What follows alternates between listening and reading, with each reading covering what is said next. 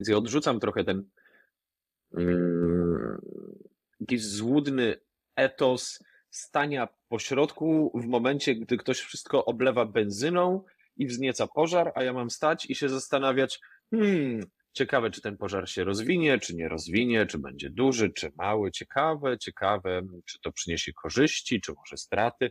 Nie, ja mam bić na alarm i, i mówić o tym, że dzieje się coś absolutnie złego, bo ktoś z premedytacją i świadomie oblewa wszystko benzyną i, i, i, i podpala to wszystko.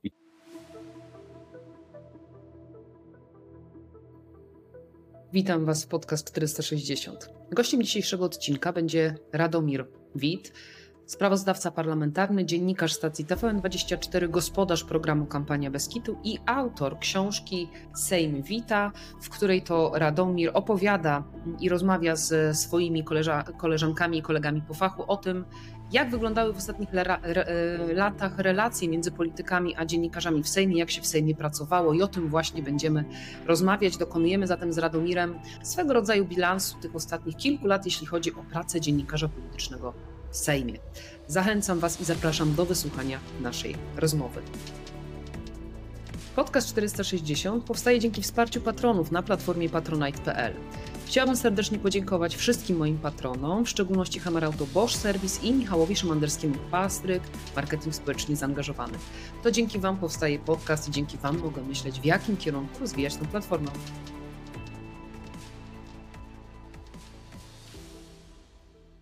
Bardzo dziękuję, e, Radomir, że przyjąłeś zaproszenie do podcastu. To ja dziękuję za zaproszenie. Cieszę się, że będziemy mogli porozmawiać o Twojej książce e, Sejm Wita, czyli czego nie mówią Wam politycy. Ona wyszła w znakomitym momencie, czynimy teraz bowiem podsumowania tego, co się działo w ciągu ostatnich ośmiu lat. I kilka rzeczy sobie odnotowałam bardzo ciekawych z tego, co ty i twoi goście, którzy udzielają ci wywiadu na łamach tej książki, mówicie o tym, co się zadziało w ostatnich ośmiu latach. Ale zacznę najpierw może od takiego podsumowania, bo za nami gorący czas, już pierwsze obrady nowego Sejmu, więc gołym okiem widać z Waszych relacji dziennikarskich, jaka tam jest atmosfera. Ale chciałabym jeszcze na chwilę wrócić do tego, co było. Jak byś określił, nie wiem, czy to słowo tu pasuje, ale kulturę mm, takiej komunikacji polityków z dziennikarzami w ostatnich latach? Co było takim znakiem rozpoznawczym tego rządu ustępującego? Myślę, że mm, myślę, że ta kultura mogłaby się zawrzeć w dwóch takich symbolicznych y, rzeczach, wytworach y, ludzkiej innowacji, to znaczy barierkach i kotarach. To znaczy te barierki i kotary, które w fizycznym sensie y, znajdowały się w Sejmie i przez ostatnie 8 lat cieszyły się ogromną popularnością wśród polityków obozu władzy, one mają też takie mocno symboliczne znaczenie. No bo fizycznie, wiadomo, odgradzają, tworzą pewne przestrzenie, mm, to jeżeli chodzi o barierki i sprawiają, że coś jest niedostępne dla dziennikarek i dziennikarzy. Kotara z kolei była w użyciu szczególnie za czasów gdy marszałkiem Sejmu był Marek Kuchciński, Kotara była taką ochroną od transparentności, jeżeli chodzi o to, co działo się chociażby w jego gabinecie i kto tam się pojawiał.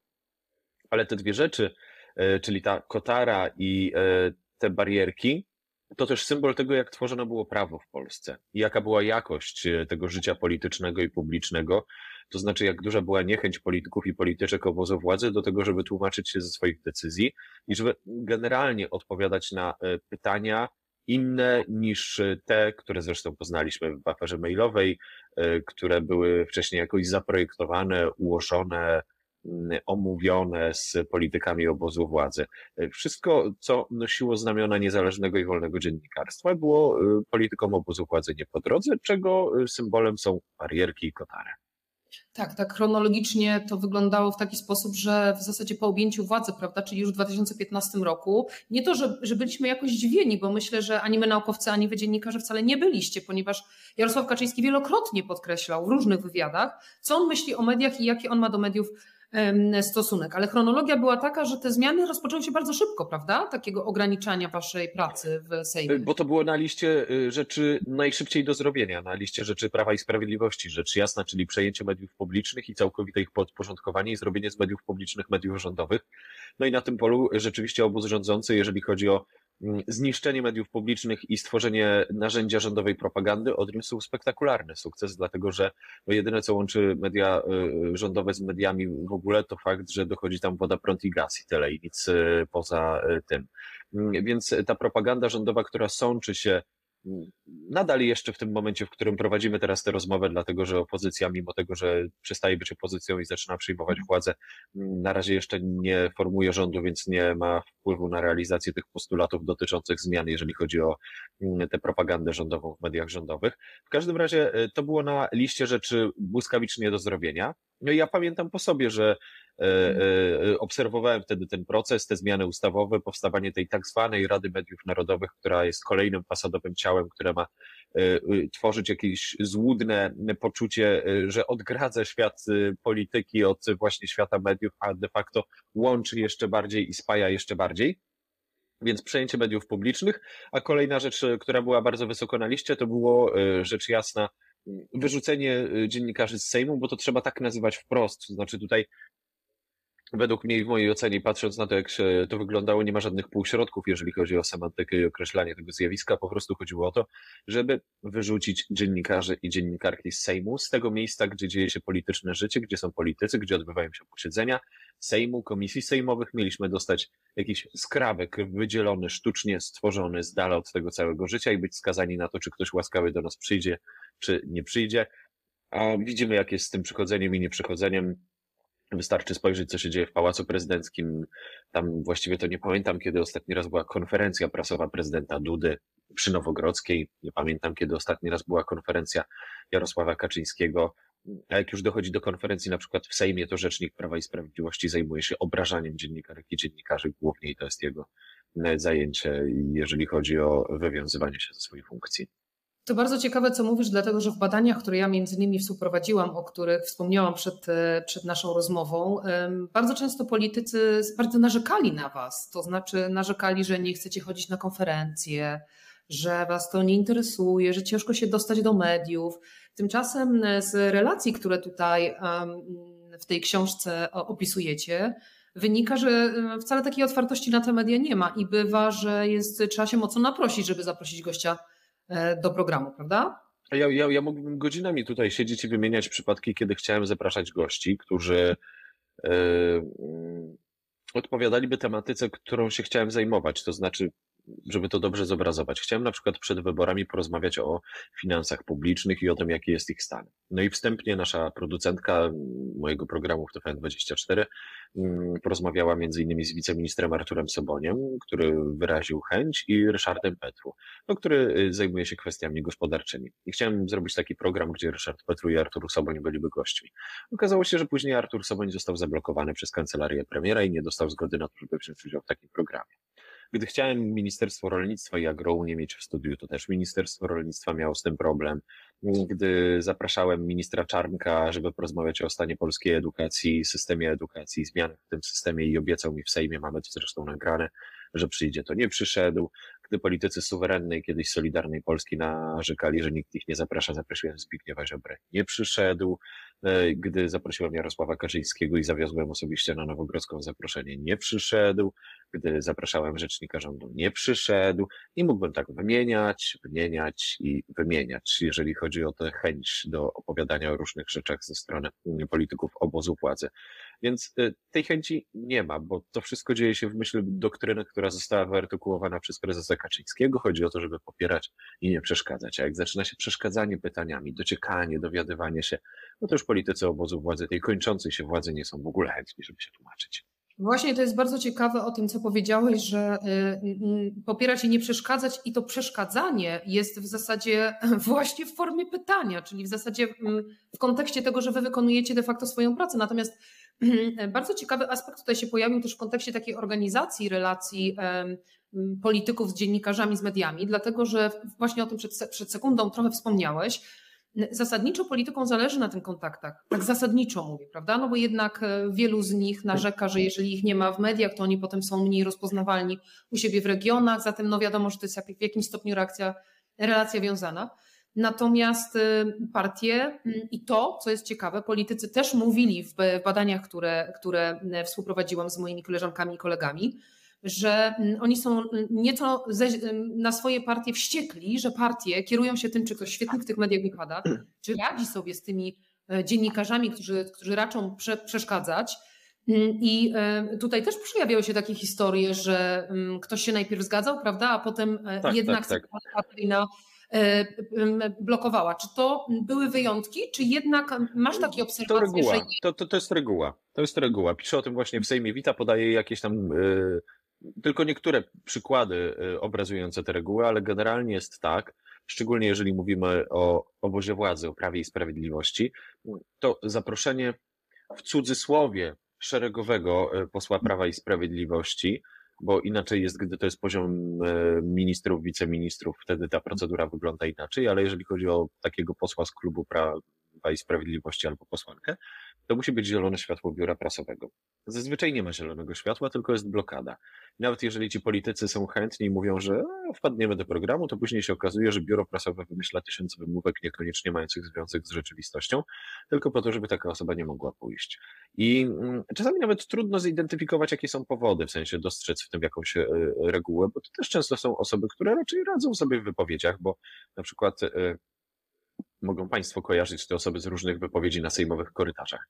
Więc mm, czasami te zasady y, działają bardzo y, różnie, ale tak, jest taka blokada, jest takie sito, to nie jest tak, że my nie chcemy, bo chcemy. Ja bardzo lubię rozmawiać i bardzo mi zawsze zależy na tym, żeby ta rozmowa to był punkt widzenia różnych polityków i polityczek. No bo jeżeli już się spotykamy, to chcę, żeby to była jakaś wymiana myśli, poglądów, spojrzeń. Mm, konfrontacja tych różnych wizji politycznego świata. Więc ja bym bardzo, no bardzo chciał. Chyba tak, na tym właśnie tak, tak, tak, właśnie. Mhm. Ja bym bardzo chciał, tylko że y, Prawo i Sprawiedliwość nie chce korzystać z tego. Czego doskonały y, dowód y, okazali politycy Prawa i Sprawiedliwości, ignorując wyborców i wyborczyni, nie biorąc na przykład udziału w naszych debatach. Wszyscy przedstawiciele i przedstawicielki komitetów się tam pojawili, a co z Prawem i Sprawiedliwością?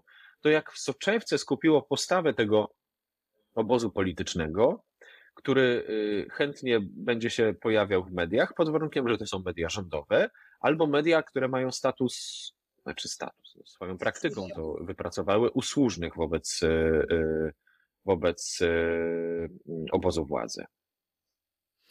Pomyślałam o takiej rzeczy, jak opowiadałeś.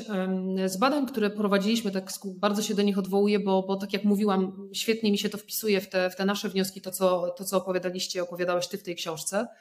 E, I mm, ja nazwałam takie zjawisko, gdzie widać bardzo duże różnice między podejściem różnych e, polityków z różnych opcji do dziennikarzy, że wystąpiło w ostatnich latach takie pęknięcie kultury komunikacji z dziennikarzami, polegające właśnie na tym, że różne strony sceny politycznej diametralnie różnie traktują e, dziennikarzy i w ogóle media. To też widać z tej waszej, e, z tej waszej, e, z tych waszych opowieści, ale mam wrażenie, że to bardzo mocno chyba widać na, na poziomie praktyki, prawda? No bo konferencje prasowe należą chyba do rzadkości konferencji, na których można zadawać pytania. E, takie obwarowania przekazami dnia, które ja zresztą jako badaczka między innymi komunikacji politycznej uważam za całkiem sensowne, jeśli chodzi o interes partii i spójność przekazu, ale jednak muszą być jakieś granice tego przekazu dnia. Więc chyba pod tym względem, na tym poziomie praktyki, komunikacji, rozmów z tymi, z tymi politykami, widać dramatyczne różnice, prawda? Nie było dialogu. Wiesz, ja też, e, ja, też chciałbym, żeby to jasno wybrzmiało, e, że ja jako dziennikarz nie mam oczekiwań, żeby ktoś mnie głaskał po główce, do mnie się uśmiechał i był miły, wręcz przeciwnie.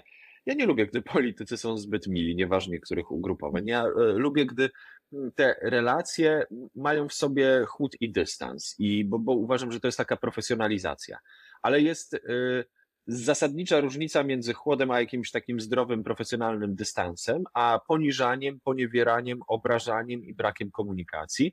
A to się wydarzyło w ciągu ostatnich ośmiu lat ze strony polityków obozu władzy, ze strony polityków Prawa i Sprawiedliwości.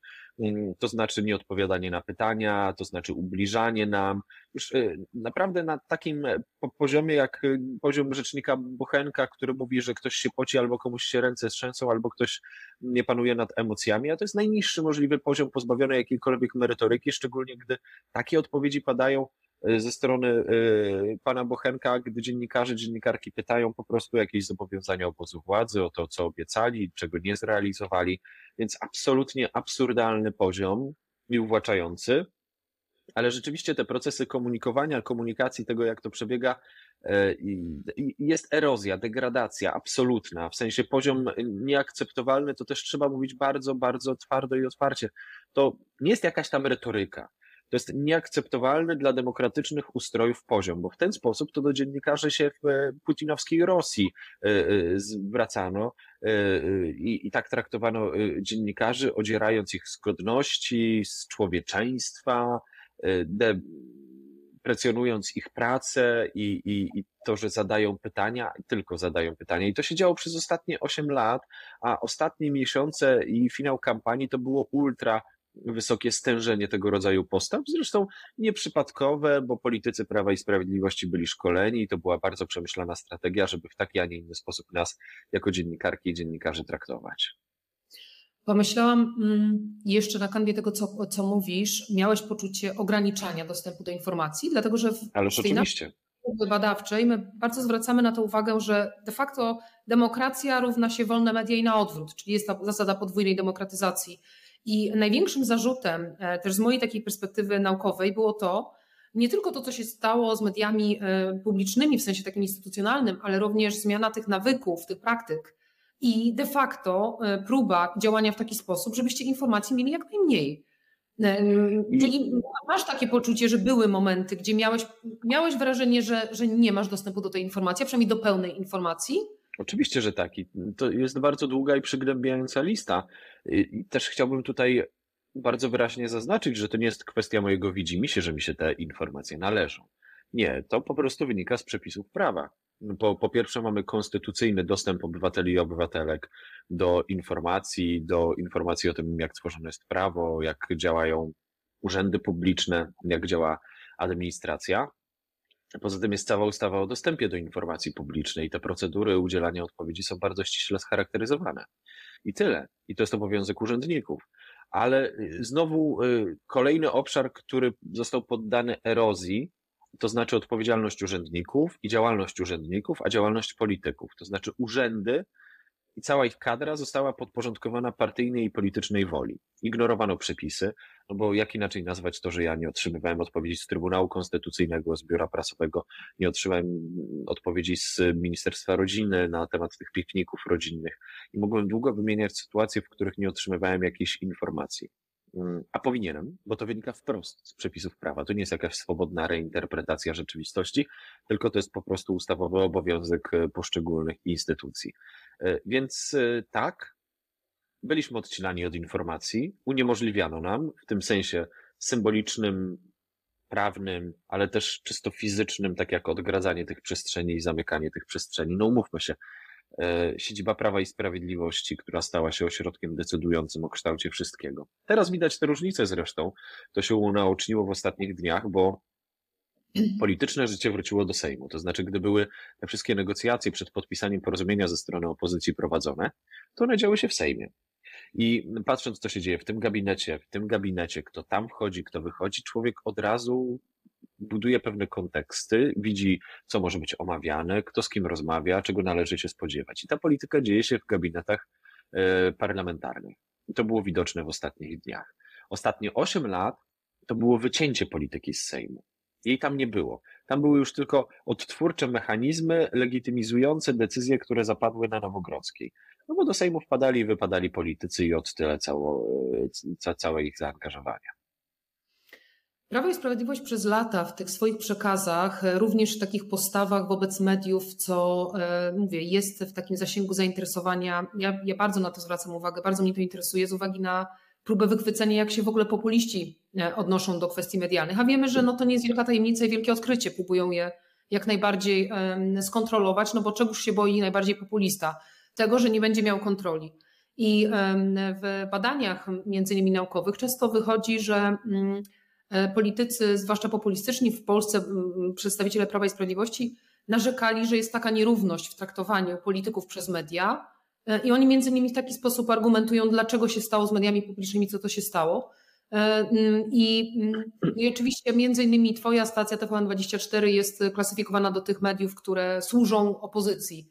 Masz takie poczucie, że służysz jakiejś partii? Nie, nie mam takiego poczucia. Co więcej, te mhm. wszystkie wyimaginowane zarzuty są bezpodstawne, dlatego piszę zresztą o tym w książce w Sejmie Wita, a właściwie rozmawiam o tym z dziennikarkami, które pracowały na przykład w mediach publicznych. E, I w czasach Justyna Dobroszora czy Karolina Lewicka na przykład to charakteryzują. I w czasach, gdy e, istniały media publiczne, a rządziła koalicja PO-PSL, wybuchały różne afery, które dotyczyły koalicji PO-PSL.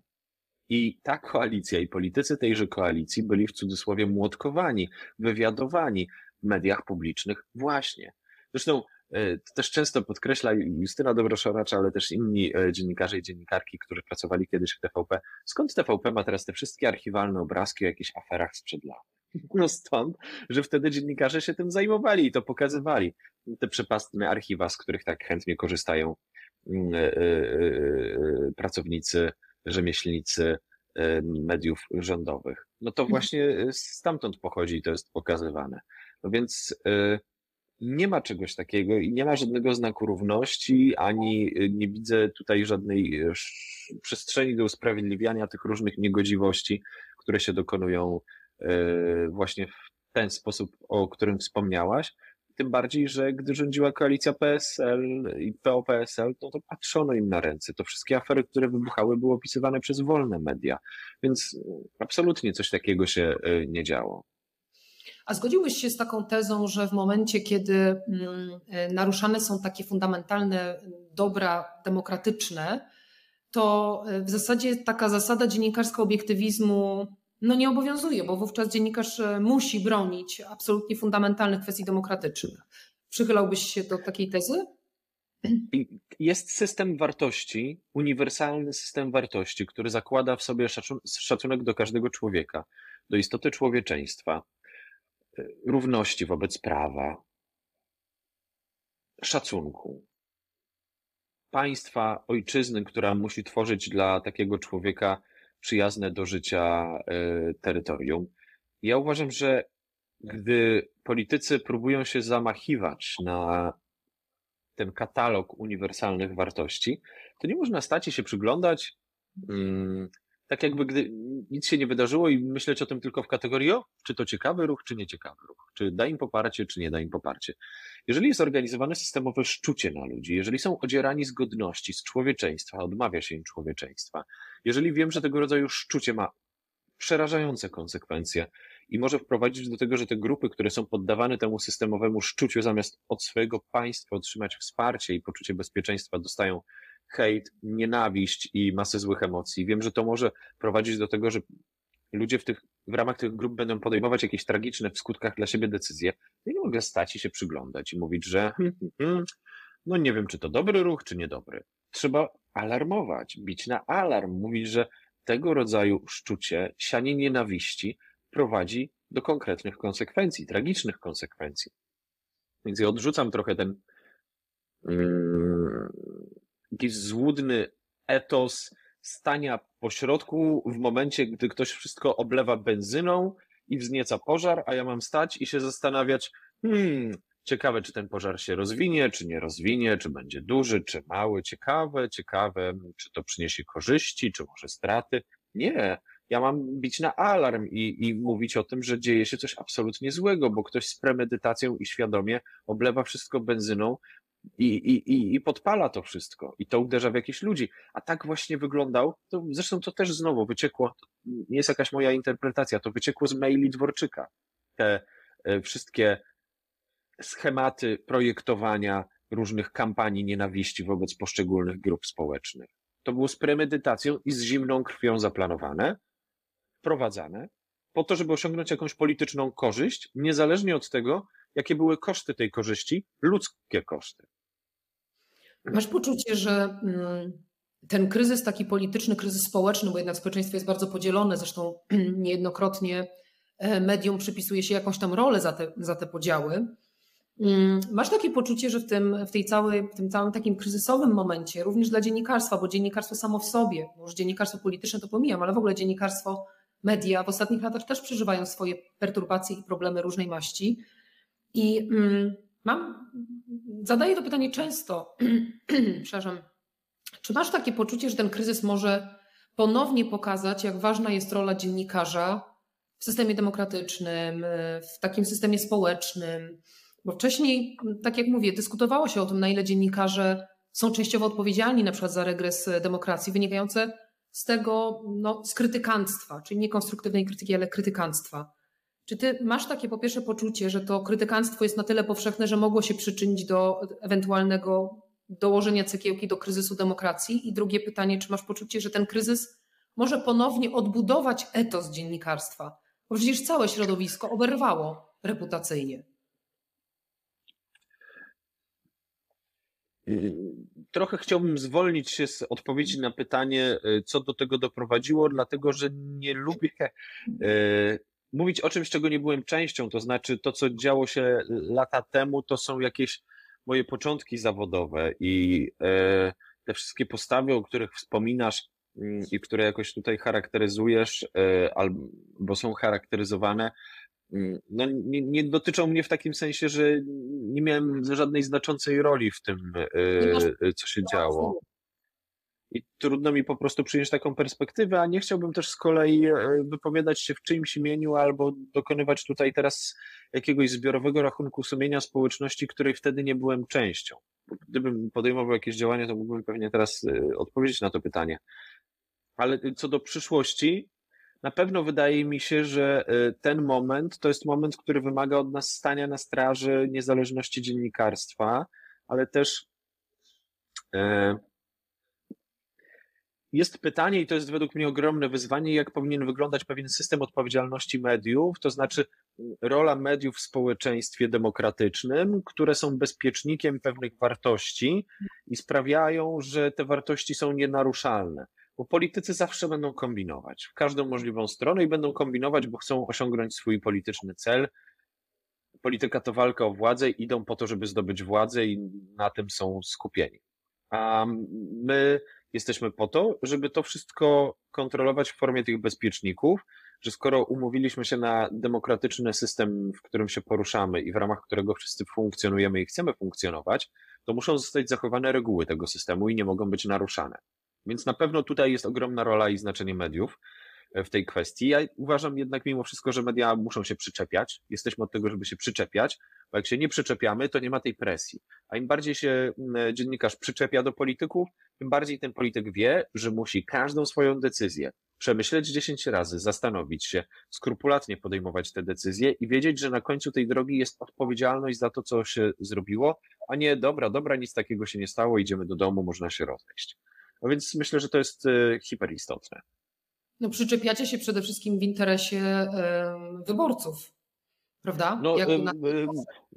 to ja nie pracuję dla siebie, w sensie lubię swoją pracę i sprawia mi jakąś tam przyjemność ze względu na ich specyfikę e, i to, jakże ciekawą materią się zajmuję, ale no, e, to praca w służbie, to też jest służba, no bo mm. umówmy się, no, po prostu nie każdy może wejść sobie do Sejmu, nie każdy ma czas, chęć, możliwości zadać jakieś pytanie politykowi, ale te decyzje polityków każdego i każdej z nas dotyczą. Więc my w imieniu tych osób, których te decyzje dotyczą i na mm, czyje życie mają wpływ, zadajemy po prostu te pytania i prosimy polityków, żeby się z tych decyzji tłumaczyli i je objaśniali. Tylko tyle i aż tyle. Bardzo utkwiła mi w pamięci wypowiedź chyba Justyny, jak dobrze pamiętam, z tej z, z książki mm, Sejmita, w którym ona mówi, że ona może gadać do tych pleców. To czy trochę innymi słowami niż tak, ja teraz. Tak, może tak, gadać tak. do tych pleców e, politycznych, bo ona jakby wie, że, e, że nawet jak wielokrotnie was politycy e, czasem też obrażają, to ona wie, że, prawda, że ona to jakby no nie robi tego też częściowo dla siebie, tylko wiadomo w czyim imieniu występuje. Jakie masz oczekiwania, Radomi? Bo przed nami no, zmiana polityczna, wszystko, e, wszystkie znaki na niebie na, e, na to wskazują. E, wprawdzie jeszcze chwilę na to poczekamy, ale, ale ta zmiana się szykuje. Ja obserwuję Wasze relacje z Sejmu siłą rzeczy też przez, przez zawodowy aspekt i oczywiście przez to zapośredniczenie już widać inną atmosferę, widać dystans, o którym mówisz, ten profesjonalny, ale pewnego rodzaju luz, który dotyczy jednakowoż bardzo poważnych spraw. Mm, widać taką, taką być, mam nadzieję, że to zostanie na dłużej, pewnego rodzaju też y, zrozumienie dla obu stron, w sensie wydaje się, że politycy y, rozumieją, jaka jest wasza rola. Jakie masz oczekiwania? Czego byś oczekiwał od tej zmiany, jeśli chodzi o pracę y, swoją, sejmową, dziennikarską? Ja po prostu oczekuję przestrzegania tego, co jest zapisane w różnego rodzaju aktach prawnych, w konstytucji i ustawach, bo y, to, to wszystko naprawdę nie jest jakimś wynalazkiem, tylko jest scharakteryzowane bardzo konkretnie w Konstytucji, ustawie o dostępie do informacji publicznej, w regulaminie Sejmu, w regulaminie Senatu, w ustawie o prawie prasowym. To znaczy, to, to jak powinny wyglądać te relacje między sprawującymi władzę, a tymi, którzy y, są przedstawicielami mediów. Czyli oczekuję tego, żeby politycy odpowiadali na pytania, żeby organizowali konferencje prasowe, żeby nie uciekali, żeby służby państwa nie były podporządkowane temu, żeby odganiać y, dziennikarzy od polityków. Bo tak się dzieje Służba Ochrony Państwa i Straż Marszałkowska to według mnie już właściwie główne y, czynności operacyjne tychże właśnie, czyli jakby tu odgonić polityka, y, jakby tu odgonić dziennikarzy od polityka. Oczekuję otwartej przestrzeni w Sejmie. Oczekuję tego, że tam, gdzie są politycy, tam też są dziennikarze, tam, gdzie zapadają decyzje, tam są dziennikarze. Oczekuję pełnego dostępu do wszystkich informacji i danych. Oczekuję tego, że politycy nie będą kłamać. Nie mam złudzeń, że zawsze będą starali się operować różnymi informacjami w sposób y, taki, który będzie y, ich interpretacji wygodny, ale nie mogą kłamać. Kłamać y, w sposób jednoznaczny. Nie mówię o jakimś ubarwianiu rzeczywistości. Oczekuję, że urzędnicy nie będą kłamać, że już nigdy nie zdarzy się taki Andrzej Grzegżółka w Centrum Informacyjnym Sejmu, który, gdy będzie pytany o to, czy były loty rodzinne marszałka Kuchcińskiego, to będzie później tłumaczył, że on nie widział, że rodzina wchodziła na pokład samolotu, więc mówił, że nie było. Oczekuję, że będzie wzmocniony ten etos służby cywilnej, urzędników, którzy służą państwu, a nie partii i pozostają niezależni. To też ma wpływ na naszą pracę, bo po prostu ci ludzie później odpowiadają lub nie odpowiadają na nasze pytania. Więc oczekuję tego wszystkiego, co już zostało opisane. I co jest opisane? Wystarczy przestrzegać tych reguł i prawa, e, które zostało wymyślone. To jest moje główne oczekiwanie, które oczywiście będę weryfikował, bo te wszystkie zapowiedzi ze strony jeszcze opozycji, ale już w Sejmie większości i za chwilę rządzącej większości wszystko na to wskazuje. Nagrały się, zapisały się, wszystko jest udokumentowane, więc to jest taka lista, gdzie będzie można odhaczać poszczególne rzeczy.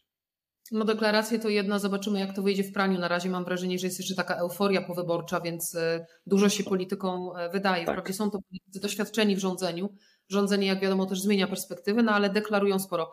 Myślisz, że e, Prawo i Sprawiedliwość, jak już będzie w opozycji, będzie miało jednak inną presję, taką poczucie presji, to, to będą przedstawiciele przyjmować Twoje zaproszenie? Wiesz to, no, po pierwsze nikt mi łaski nie robi, że przyjmuje moje zaproszenie i będzie się tłumaczył ze swoich decyzji, bo to jest obowiązek polityków wszystkich, bez wyjątku. Może teraz po drugie, na razie, przychodzić. Na razie nie widzę żadnej zmiany. No, no, wczoraj dopiero co y, zdążył mnie zwyzywać i zobrażać minister kultury, więc nie widzę żadnej refleksji, insynuował mi jakieś manipulacje, kłamstwa, krzyczał do mnie, że nie jestem dziennikarzem, więc nie widzę żadnej jakościowej zmiany.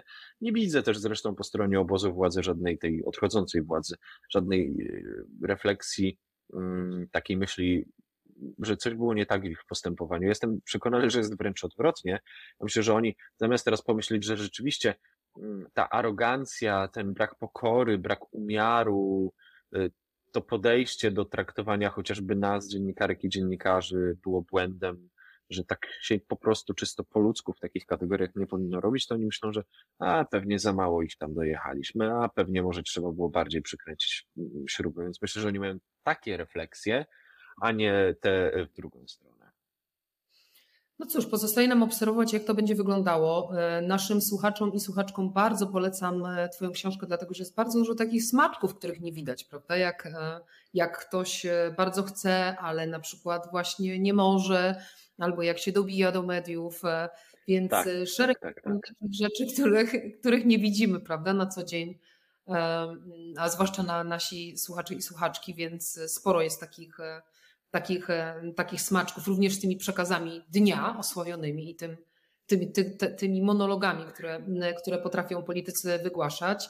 Więc dzięki tej książce e, możecie Państwo zajrzeć trochę tam, gdzie zazwyczaj się to nie udaje, więc bardzo serdecznie polecam. No i gratuluję, bo kawał ciekawej pracy.